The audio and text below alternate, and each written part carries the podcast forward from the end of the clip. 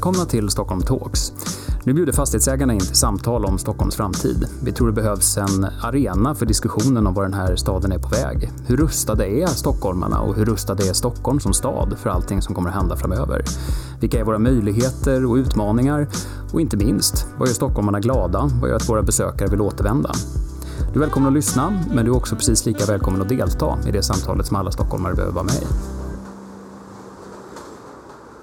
Välkomna till ett nytt avsnitt av podden Stockholm Talks, Fastighetsägarna Stockholms samtalsserie om just Stockholm och framtiden. Idag ska vi faktiskt inte prata så mycket specifikt om Stockholm kanske, men vi ska å andra sidan prata desto mer om framtiden. Vi ska nämligen ha ett samtal om hållbarhetsfrågor och mer specifikt om hållbart fastighetsägande. Idag får man ju säga att hållbarhetsfrågorna av helt uppenbara skäl står väldigt högt upp på agendan i nästan alla diskussioner som vi har. Almedalsveckan har passerat för ett tag sedan och både där och på andra ställen i samhällsdebatten så, så är frågeställningen väldigt högt upp. Både såklart för att de samhällsutmaningar vi står inför kräver det, men också för att näringslivet ses som en viktig aktör i att komma längre i arbetet. Jag tror att det är ganska naturligt att vi pratar om de frågorna ur ett fastighetsperspektiv också. Och jag tror det har en hel del med tidsperspektiv att göra. För det är klart att ska man vara väldigt basic så är det ju faktiskt så att ett hus som byggs ja, det ska helst stå där i alla fall i hundra år. Och det är ganska få andra projekt som vi människor drar igång som ändå har det tidsperspektivet idag. Det ska byggas, det ska förvaltas, det kanske ska renoveras någon gång men det ska stå där väldigt länge. Och framförallt så kan man inte gärna flytta det därifrån eh, om man ångrar sig. Idag vill jag välkomna Cecilia Fredholm Varning som är kommunikations och hållbarhetschef för Stena Fastigheter men också nyvald ordförande för Fastighetsägarnas hållbarhetsråd. Varmt välkommen till Stockholm Talks. Tack så mycket, Oskar. Så här, Stena Fastigheter är ju ett av Sveriges största privata fastighetsbolag. Hur blir man hållbarhetschef där? Ja, bra, eh, Nej, men, eh, bra fråga. Nej, men min eh, bakgrund är ju inom... Jag har haft olika roller inom privat, offentlig och eh, idéburen sektor inom kommunikation, hållbarhet och affärsutveckling egentligen. Ehm, och ehm, för åtta år sedan började jag jobba med kommunikationsfrågor på Stena Fastigheter i Malmö ehm, och var också chef för vår, vårt sociala hållbarhetsarbete här, vårt arbete med relationsförvaltning. Och sen fyra år tillbaka så är jag en del av koncernledningen eh, med ansvar för eh, kommunikation, hållbarhet och eh, hela liksom vår kundresa. Eh, och det är ju ett eh, Ja, men ett otroligt, en otro, det har varit en otroligt spännande tid. Eh, under de, de här åren så har Stanna Fastigheter också gått ifrån att vara mycket av ett eh, förvaltande fastighetsbolag till att vara en stadsutvecklare. Vi bygger mm. tusen hållbara hem eh, varje år. Vi investerar ungefär 2,7 miljarder om året i våra, i våra områden. Vi har 26 000 bostäder och eh, eh, ett stort antal också kommersiella eh, fastigheter och lokaler. Så det är ju verkligen det låter en, så att säga som en, en roll där man får diskutera alla delar av hållbarhetsbegreppet i verksamheten. Så är det, så är det verkligen, verkligen. Och för mig så ligger hållbarhet väldigt nära eh, affären. De hållbarhetsfrågorna som vi arbetar med, både då socialt, miljömässigt men också då såklart ekonomiskt, är ju eh, väldigt nära kopplade vår, vår kärnaffär och där vårt långsiktiga ägande egentligen är det som, som lägger grunden för det. Och, och på samma sätt som det du inledde med att säga att fastigheter eh, mm. kan stå kvar hur länge som helst så handlar ju också arbetet om att både liksom säkra fastighetsvärden men också utveckla trygga och trivsamma städer och vi har ju många eh, områden som är väldigt stora och sammanhållna och det gör ju också att vi kan eh, liksom vara motorn i områdesutvecklingen och verkligen bidra till att stärka de städer vi finns i just genom att, eh, att göra de här stora, stora investeringarna vi gör. Om man tänker lite grann, alltså just det där som du är inne på med, med förändrat område eller liksom skapa större trygghet eller vad det kan, kan handla om, alltså en hållbarhetsdiskussion. Mm. Hur, hur viktig är fastighetsägaren i, i ett sådant arbete? Jag, jag tycker att fastighetsägare har en helt unik eh, roll. Eh, vi finns på en plats, vi känner människorna som bor och arbetar där. Vi har eh, väldigt nära relationer med samhället runt omkring, om det är andra fastighetsägare eller kommun, polis, eh, föreningar eh, etc. Vi har möjlighet att, att, ehm, att vara nära människor. Vi är i människors hem. Eh, vi är många, utifrån Städa Fastigheters perspektiv, vi är ju eh, många ungas till exempel första kontakt med arbetsmarknaden eh, etc. Så jag tycker att som fastighetsägare så eh, de sakerna som vi kan ta ansvar för som ligger nära oss som handlar om bra boendemiljöer, tryggt och trivsamt, fina gårdar, goda relationer, dialog och medskapande etc. Så är ju det ett sätt att skapa liksom hållbara, hållbara kvarter. Eh, och, och sammantaget så bidrar ju det också till liksom den hållbara staden. Så. Mm.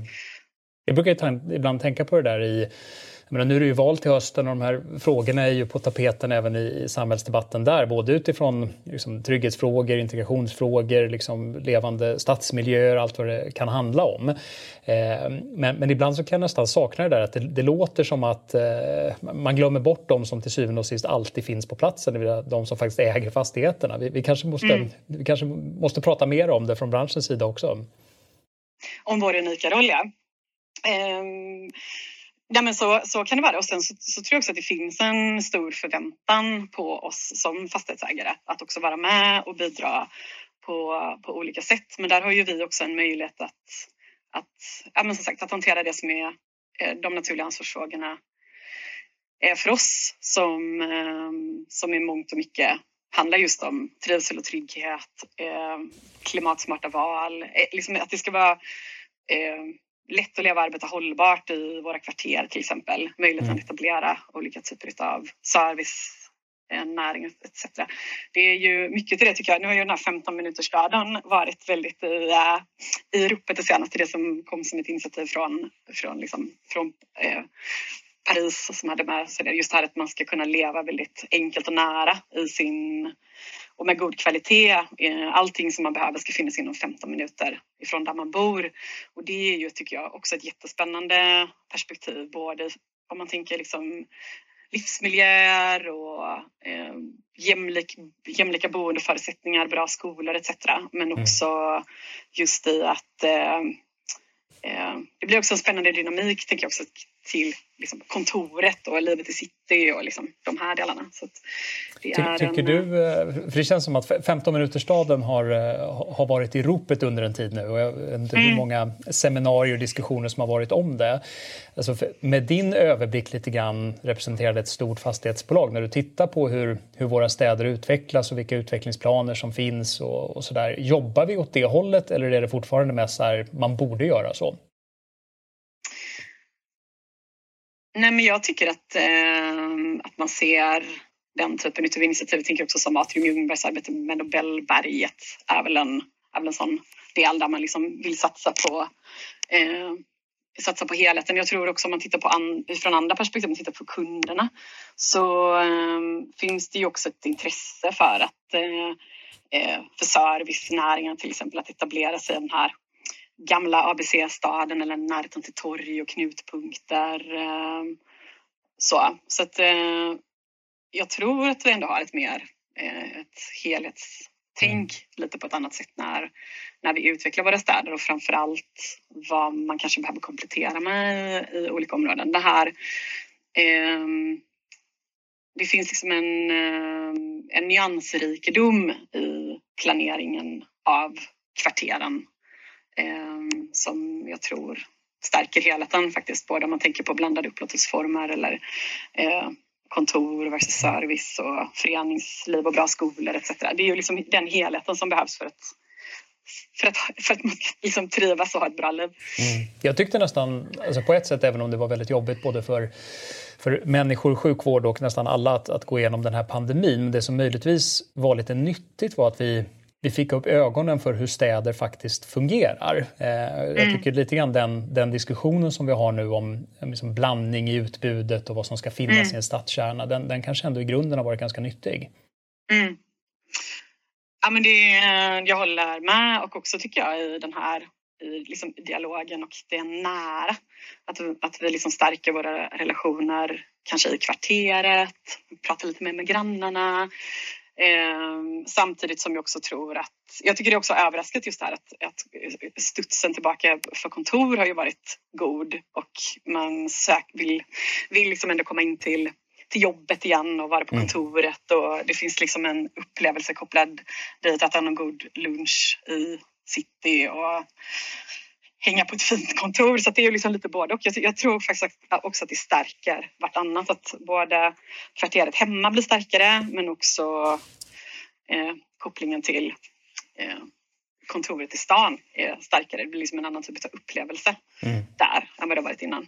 Jag tyckte också var, vi hade ju en av seminarierna som fastighetsägarna anordnade i Almedalen i år handlade ju just om ja, men, genomgången av hur kulturverksamheter och nya kulturverksamheter kan öka flödena i städerna. Liksom både skapa mm. fler mänskliga möten men att det faktiskt också är bra för alla andra branscher och bra för stan mm. som helhet. Det är ju lite kopplat till de här, ja, men egentligen ett hållbarhetstänk också på ett sätt. Mm.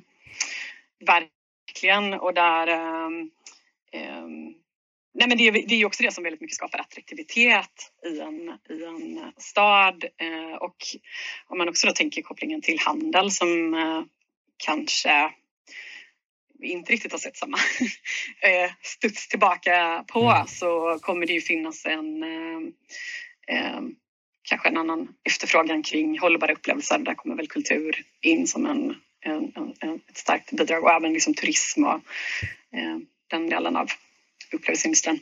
Mm. Jag tänkte kolla eller höra lite med dig. Du är ju, eh, jag vet inte hur nybliven man kan säga längre, men numera ordförande i alla fall i mm. Fastighetsägarnas mm. hållbarhetsråd. Jag tänkte kanske ska berätta lite grann för, för lyssnarna. Vad, vad är det för, för verksamhet som, som det här hållbarhetsrådet bedriver och vad, vad jobbar ni med? Ja, men fastighetsägarnas eh, hållbarhetsråd Eh, består av ett eh, 20-tal eh, medlemsföretag och där vårt uppdrag är att ja, men verkligen så här, driva och utveckla branschen gemensamt i hållbarhetsfrågor, eh, socialt och miljömässigt eh, framför allt och visa på ledarskap i branschen. Och eh, vi vet ju att alla eller, ja, de allra flesta fastighetsägare brottas ju med samma typ av frågor. Vi behöver göra en, en omställning, allt går mycket fortare, allt är mer komplext. Vi har en lagstiftare som driver på både på EU-nivå och nationell nivå. Man vill se liksom, snabba eh, förändringar och allting är egentligen nytt. Så eh, hållbarhetsrådet handlar mycket om att ta fram eh, olika typer av branschgemensamma ambitioner och eh, tolkningar. Eh, det är ett otroligt eh, bjussigt och ambitiöst eh, forum där eh, ja, men som verkligen samlar eh, nästan, eller framförallt då liksom hållbarhetschefer som mm. verkligen vill eh, åstadkomma någonting och där många av bolagen också har verkligen banat väg för en utveckling i, i branschen. Om man tänker den, bara med att få sticka in den frågan, liksom just med eh, Eh, om man skulle betygsätta fastighetsbranschen i hållbarhetsfrågorna visavi liksom resten av samhället, har vi anledning att slå oss lite på bröstet och, och vara just föregångare eller finns det också områden där, där vi kommer behöva ja, eh, hugga i och, och göra ett häv? Ja, men, ehm, eh, både och, tycker jag. Jag tycker att eh, fastighetsbranschen är och har varit duktiga på Eh, väldigt mycket inom den sociala hållbarheten eh, just utifrån det, här det långsiktiga ägandet, hur vi tänker kring våra kvarter eh, och så vidare.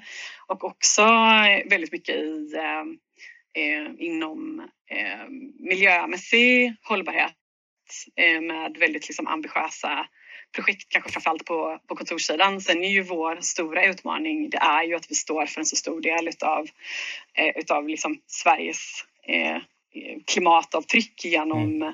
nyproduktion och genom renovering. Så det är ju en, en jätteutmaning. Eh, så om man tittar på liksom ambition och eh, liksom mognad kring frågorna så tycker jag att den är hög och att vi gör mycket. Men om man tittar på utfallet så har vi ju eh, jättestora och svåra frågor att, eh, att hantera. Eh, att liksom, hur ska vi kunna fortsätta förse Sverige med bostäder och samtidigt eh, liksom nå våra eh, klimatmål på ett bra sätt. Hur kan vi ställa om kring, en, eh, liksom, kring cirkularitet?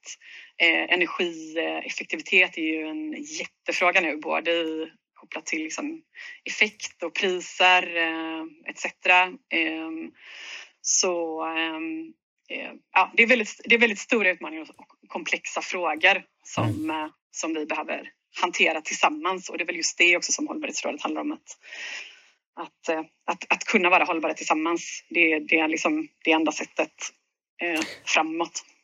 Vi lever ju i en så märklig tid där vi så att säga, lämnat en typ av samhällskris bakom oss och gått in i en annan med, med liksom krig i Europa och eh, alla ja, problem och, och hemskheter mm. som det för med sig. Men jag hörde någon som uttryckte det så här att i diskussionen som ju har funnits länge i den här branschen om hur ska vi lyckas med mer utav återbruk, mer utav cirkularitet och det här som jag var inne på, så var det någon som sa att ja, alla de leveransproblem som nu har uppstått till följd av både ja, eh, både krig och annat, det kanske i grunden är det som kan, kan hjälpa oss över traven. Man blir så illa tvungen att använda saker smartare. Mm. Är, det, är det en from förhoppning eller tror du det ligger någonting i det?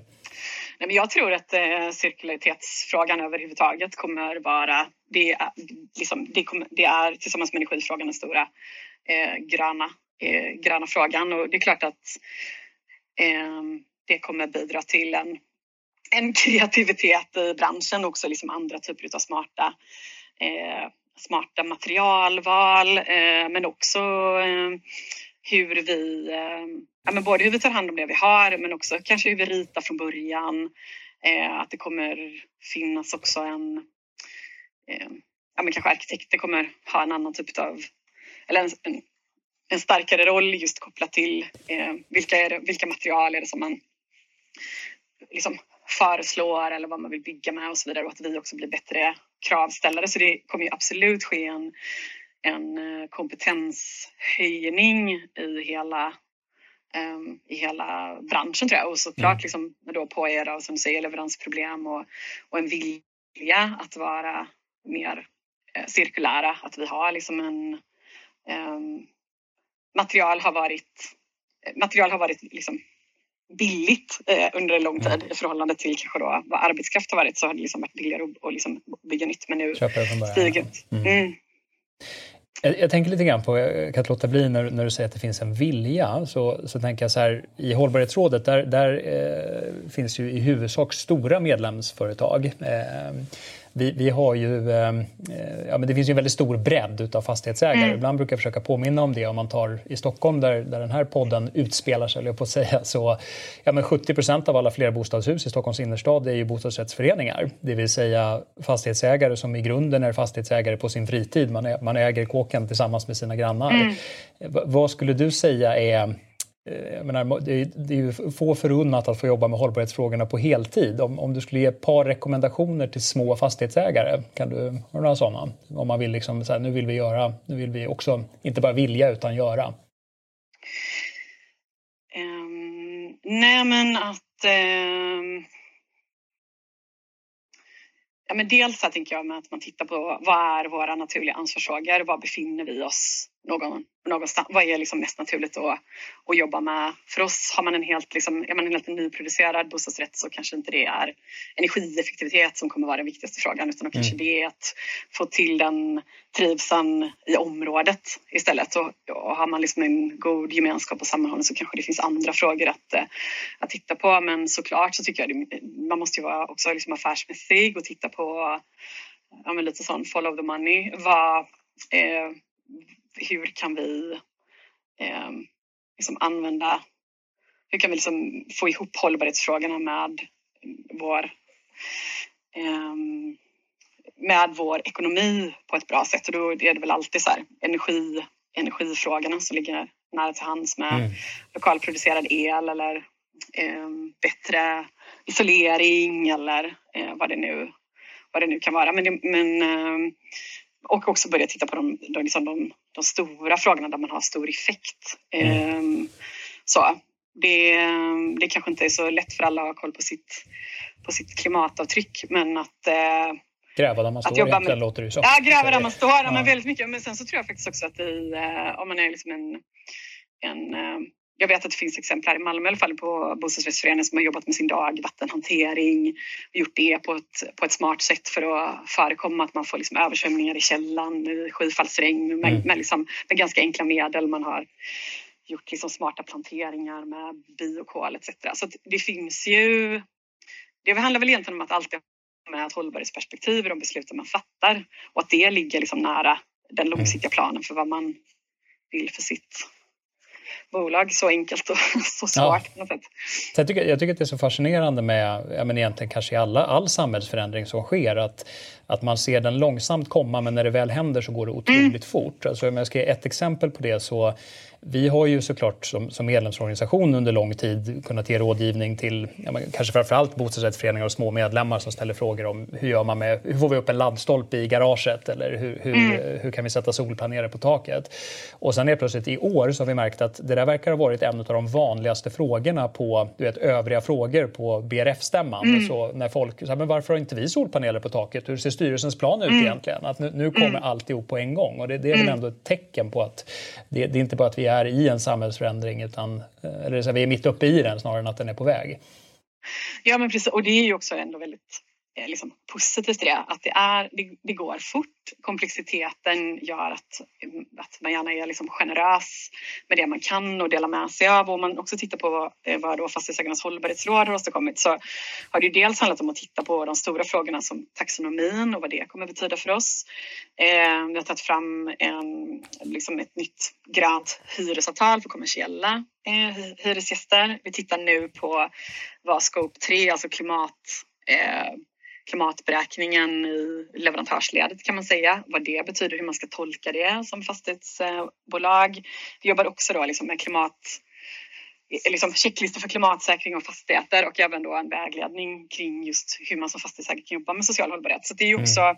det är de breda frågorna som, eh, som är jätteviktiga att dela med sig av till resten utav liksom medlemsorganisationen. Vi har ju alla att vinna på att bli mer eh, hållbara tillsammans. Mm. Så. Jag, jag, tänker så här, eftersom att du, du, nämnde just social hållbarhet och så, att, att om, man, om, om, man googlar dig lite grann så, så får man mm. upp en, en, ja, en spännande bakgrund med både Röda Korset och hemlöshetsfrågor och, och mycket fokus på just social hållbarhet. Och jag, jag, har hört dig också vid något tillfälle prata just om så här lite en förflyttning mot social hållbarhet i, i, kanske i rådets arbete och i frågeställningar. Kan, kan du utveckla det lite grann? Eh, nej men... Eh eh, du, liksom det ökade fokuset på social hållbarhet. Eller? Mm, mm. Ja. Nej men eh, det liksom, så här, den gröna hållbarheten har ju, har ju funnits ändå med länge och eh, är väl kanske eh, mer eh, liksom instrumentell eh, och även eh, vi vet liksom att, att nästan 80 procent av eh, världens BNP nu är linjerat mot netto noll. Det kommer finnas enormt mycket liksom, pengar, investeringar och annat mm. Eh, att hämta i det.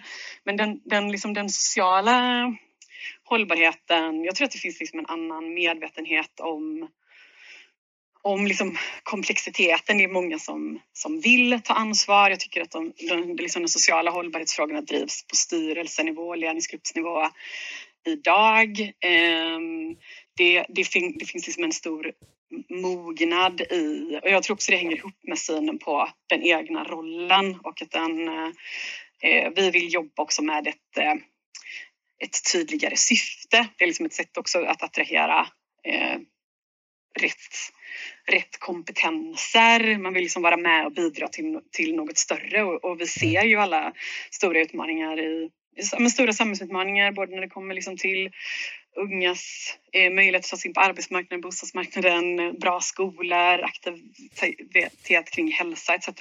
Så, att, så eh, den sociala hållbarheten är mycket högre på dagordningen samtidigt som det också kräver, tycker jag i alla fall, ett, annat, ett lite annat angreppssätt. Det kräver ju eh, mycket mer fotarbete, det är väldigt relationellt, det kräver eh, samarbete ehm, och det eh, från att diskussionen tidigare handlat mycket om är det här fastighetsägarnas ansvar eller inte eller var går gränsen så tror jag att fler ser att eh, om vi tar ett gemensamt ansvar och, och liksom där vi kan mötas kring olika intressefrågor så, så blir det också någonstans bättre för alla. Mm. Det finns ju alltifrån bid-konstellationer till andra typer utav men, men jag tänker så här, en, en, del blir ju till slut väldigt mycket hands-on. Jag menar, Stena Fastigheter är, ju kända för det här begreppet relationsförvaltning. Eh, men, men, ni har ju också gått så långt att ni är med och eh, liksom, försöker jobba för att eh, boende ska, att man ska göra valdeltagandet. Det blir, det blir ändå väldigt eh, handfasta åtgärder. Vad, vad, det här valdeltagandeprojektet eh, låter ju spännande. Vad handlar det om konkret? Ja, nej men eh, vi... Eh, så här, vi har ju ganska stora sammanhängande bestånd. För alla våra områden så har vi en, eh, en, liksom en, en strategiplan eh, där vi också gör en analys av vad är styrkor och svagheter i det här området? Vad gör andra? Vad kan vi komplettera med? Vi fokuserar ju också väldigt mycket på unga med skola, arbete och fritid, bra liksom, skola, möjlighet till läxhjälp, möjlighet till sommarjobb eh, etc. Och mm, en del som vi såg då kopplat i det, till det förra, eller valet 2018, det var att eh, ja, vi hade två, två områden här i Malmö, det var väldigt lågt eh, valdeltagande och där vi också hade lokaler eh, där vi såg att vi hade möjlighet till att erbjuda, liksom, om Malmö stad ville, eller valkansliet, ha förtursröstning så kunde vi erbjuda det där. Ehm, och för att det är nämligen så att förtidsröstningen är det som ökar valdeltagandet totalt sett. På valdagen är det ganska samma, men vill man att fler ska gå och rösta så är det genom, en, så är det genom förtidsröstningen och man får ju rösta på vad man vill såklart. Men eh, då hade vi eh, det och vi jobbar också med en förening som heter eh, som heter Tjejerföreningen som heter Tillsammans i förening som också var liksom demokratiambassadör då på på Södervärn och på eh, Lindängen Hermodsdal för att förklara framförallt kanske för förstagångsväljare hur det funkar med val, varför det är viktigt, eh, hur man förtidsröstar och så vidare. Så det, det har vi gjort och det kommer vi också fortsätta med i i detta valet och det mm. var en positiv utveckling på valdeltagandet i de här valdistrikten. Men ni kunde se det ändå i utvärdering av det, att det hade effekt? Eh, ja, det hade det. det. Det var faktiskt eh, flera procentenheter som det eh, höjdes med, tror jag var typ 6 procent. Och det vet man ju inte såklart. Det är ju svårt att säga att det hade effekt. Men, eh, men eh, eller just det här hade, hade effekt, men vi vet ju att närheten till liksom, förtidsröstning och också att vi kunde se till exempel att personer som hade varit och röstat kom sen tillbaka hade med sig någon granne eller någon mm. annan och mm. liksom förklarade så här gör man och här kan du rösta och så där. Så, så det är ju, det handlar ju verkligen om det här med tilliten i området, tilliten till samhället. Eh, igen, eh, långsiktigheten och en social, eh, social stabilitet egentligen i våra, i våra kvarter som vi vill ha. Och som inte bara handlar om att man vill göra en god insats gissar jag, utan att eh, även er analys som företag är att en god tillit i området och en känsla för samhällsgemenskap, det är i grunden bra för er som fastighetsföretag också. Mm.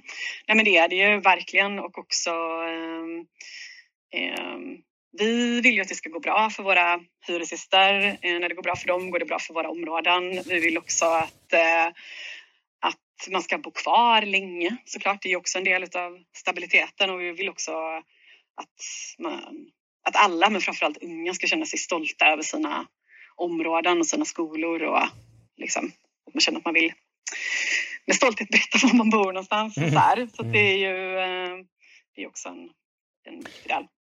Finns det någonstans, jag tänker så du, du var inne på det med den här balansen, vad, vad, vad är samhällets ansvar eller någon annans ansvar eller myndigheter ja. och vad är... Finns det någonting som är så här där ni har sagt att eh, nej men det här kan vi inte göra för det här är faktiskt inte, det här kan inte vara upp till ett fastighetsbolag, det här måste kommun eller myndigheter eller någon annan ta vid. Alltså var, var går den där gränsen?